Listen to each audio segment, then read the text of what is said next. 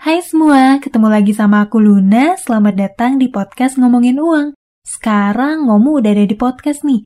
Jadi kamu bisa dengar dan belajar keuangan di sela-sela kesibukan kamu. Atau sekalian nemenin kamu sebelum kamu tidur. Oh iya, buat kamu gitu ya yang kepikiran pengen bikin podcast juga. Cobain deh, bikin podcastnya pakai Anchor.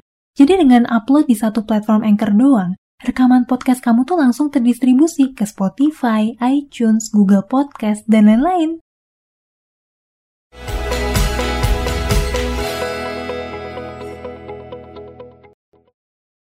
Kita semua mungkin udah nggak asing lagi sama yang namanya utang. Kalau ketinggalan dompet, ngutang dulu ke teman. Kalau kepepet di akhir bulan, ngutang dulu ke warung. Saat ini, kita semakin dimanjain sama utang. Utang bukan lagi buat hal-hal yang kepepet doang, tapi juga buat kebutuhan pokok, hiburan, sampai modal usaha. Mulai dari kredit rumah, kredit kendaraan, kredit usaha, beli gadget, bahkan biaya liburan aja tuh bisa ngutang dan dibayar pakai cicilan. Ayo, siapa aja di sini yang suka ngutang? Aku ngerti banget kalau di hidup ini ada aja saatnya kita kepepet dan butuh pinjaman uang. Di sisi lain, Gak jarang juga nih kita dengar banyak masalah yang terjadi karena utang. Mulai dari dikejar-kejar sama debt collector, jatuh bangkrut, bahkan ada juga yang sampai masuk penjara gara-gara utang. Pernah kepikiran gak sih, apa ngutang itu hal buruk? Masih boleh dilakuin sesekali nggak? Atau sebaiknya kita nggak usah ngutang sama sekali? Nah, di video kali ini aku mau bahas tentang utang. Yuk kita bahas bareng-bareng. Pertama, kita perlu ngebedain dulu utang berdasarkan penggunaannya. Ada yang namanya utang konsumtif dan ada yang namanya utang produktif. Kita bahas utang konsumtif dulu ya. Gampangnya, utang konsumtif itu adalah utang yang dipakai buat hal-hal yang berkaitan sama konsumsi. Konsumsi di sini tuh bisa macam-macam nih. Mulai dari kebutuhan yang esensial, sampai keinginan yang sifatnya hiburan atau gaya-gayaan doang. Utang konsumsi ini bisa dipersepsiin kayak kita minjem uang ke pemasukan kita di masa depan buat menuhin kebutuhan atau keinginan kita saat ini. Jadi, nilai manfaat yang didapat dari utang konsumtif itu adalah pemenuhan kebutuhan atau keinginan yang lebih cepat dari seharusnya. Contoh utang konsumtif yang berkaitan sama kebutuhan tuh misalnya utang buat beli makanan pokok, pendidikan anak, kredit rumah, pengobatan, hal-hal emergensi, dan lain-lain. Sementara, utang konsumtif yang berkaitan sama keinginan tuh contohnya utang buat beli gadget, hiburan, hobi, termasuk makanan fancy dan liburan.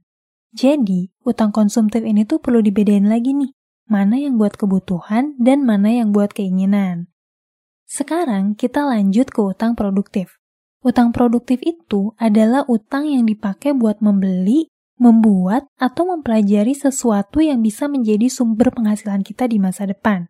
Jadi, manfaat dari utang produktif ini tuh adalah kesempatan untuk bisa punya aset atau menciptakan sumber penghasilan baru di masa depan. Contoh utang produktif itu adalah utang buat bikin usaha, utang untuk sertifikasi profesi tertentu, utang untuk beli tanah dan tanahnya dipakai buat bangun ruko atau kos-kosan, atau bisa juga utang beli kendaraan buat dijadiin ojek online. Biasanya cicilan dari utang produktif ini tuh bisa dibayar pakai penghasilan yang kita dapat dari sumber pemasukan baru yang kita bikin. Misalnya nih, kita ngajuin kredit buat beli satu unit apartemen. Terus apartemennya kita sewain. Kita kan dapat biaya sewa tiap bulan tuh. Nah, biaya sewa itu bisa kita pakai buat bayar cicilan pembelian unit apartemen tersebut. Setelah kreditnya lunas, kita jadi punya satu aset yang bisa secara produktif menghasilkan uang buat kita. Oke, sekarang kamu udah ngerti ya bedanya utang konsumtif dan utang produktif. Kalau kita balik lagi ke pertanyaan awal, apakah semua utang itu buruk dan apakah sebaiknya kita nggak usah ngutang sama sekali? Jawabannya tergantung bentuk utangnya dulu seperti apa. Yang jelas, utang untuk konsumsi yang didasari keinginan doang tuh sebaiknya nggak dilakuin. Sementara, dari sudut pandang keuangan, utang produktif dan utang konsumtif untuk kebutuhan tuh masih boleh dilakuin nih. Asalkan kita bisa memperhitungkan risiko dan kemampuan bayar kita buat melunasi utang tersebut. Kemampuan bayar utang ini tuh bisa dilihat dari rasio cicilan dan pendapatan bulanan.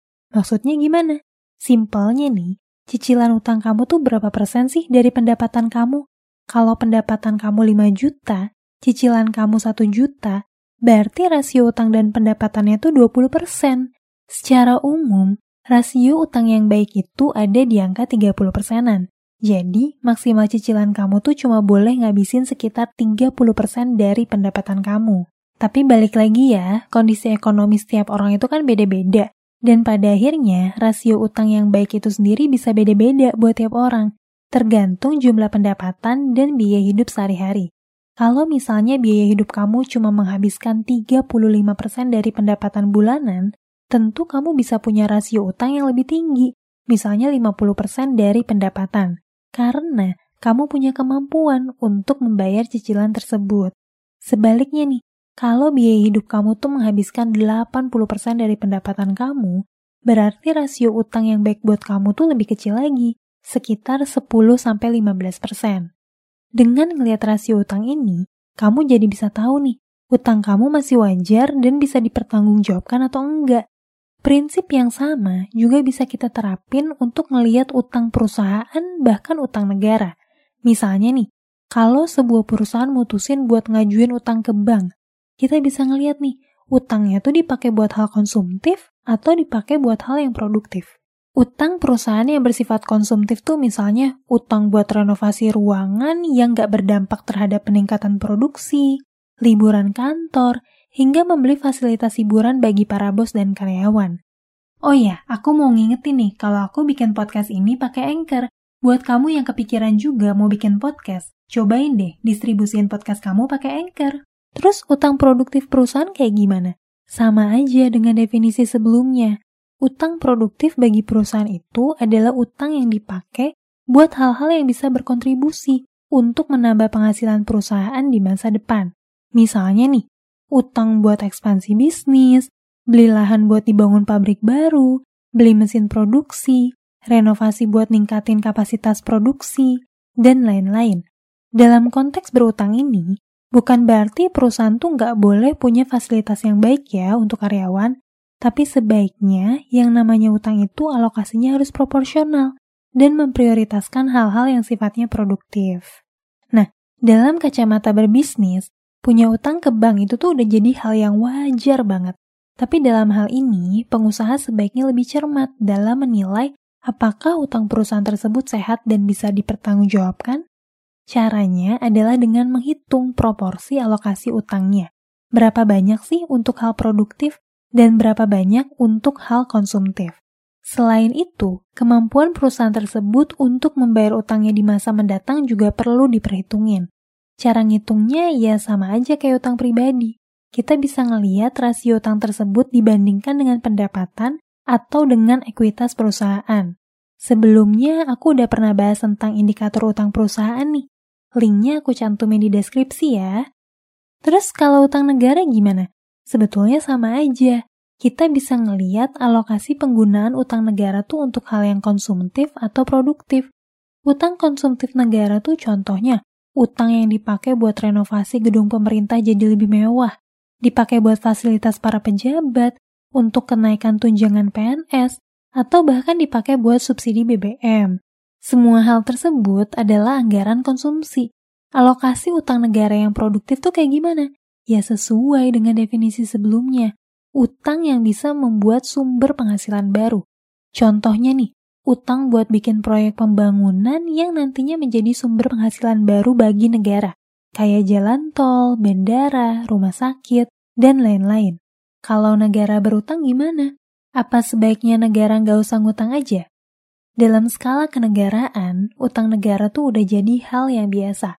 Bahkan, dari total 195 negara yang ada di dunia, 70% atau sekitar 190 negara tuh punya utang. Negara-negara maju yang ekonominya udah sangat kuat sekalipun juga punya utang, seperti Amerika, Jerman, Inggris, Korea, Cina, Jepang, dan lain-lain. Yang perlu dikawal dan diperhatikan itu adalah pengelolaan dan pengalokasian utangnya. Apakah utangnya dialokasiin untuk hal-hal produktif atau konsumtif? Selain pengelolaan dan pengalokasian, dalam konteks utang negara juga perlu diperhitungin nih kemampuan bayar utangnya. Biasanya, tolok ukur yang dipakai itu adalah rasio utang terhadap pendapatan domestik bruto. Untuk Indonesia sendiri, batas aman utang Indonesia itu 60% dari pendapatan domestik bruto. Mungkin lain kali aku akan bahas tentang ini lebih detail ya.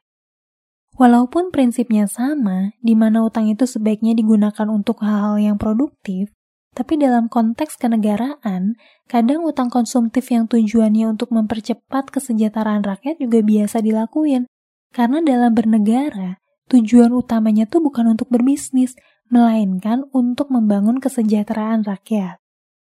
Aku coba rangkum sedikit ya pembahasan kita kali ini tentang utang. Yang pertama, utang itu perlu dilihat dari alokasi penggunaannya. Apakah utang itu untuk hal yang produktif atau untuk hal yang konsumtif? Kalau utang itu untuk hal yang konsumtif, apakah untuk hal-hal yang berkaitan dengan kebutuhan atau keinginan? Sebaiknya kita menghindari utang konsumtif untuk memenuhi keinginan ya. Yang kedua, kita perlu memperhitungkan kemampuan bayar utang. Kemampuan bayar utang ini tuh bisa dilihat dari rasio cicilan dan pendapatan kamu. Kalau rasionya masih wajar, berarti bisa dibilang utang kamu tuh masih sehat dan bisa dipertanggungjawabkan. Pesanku yang terakhir nih, buat kamu yang saat ini lagi punya utang, ingat, utang itu adalah janji yang harus ditepatin. Terlepas itu utang ke teman, ke bank, ke partner bisnis, atau ke siapa pun tetap harus dibayar. Karena selain hal itu berpengaruh terhadap catatan riwayat utang kita sebagai peminjam, ada hal yang jauh lebih mahal dari utang, yaitu kepercayaan orang lain dan kredibilitas kita sebagai manusia yang punya integritas.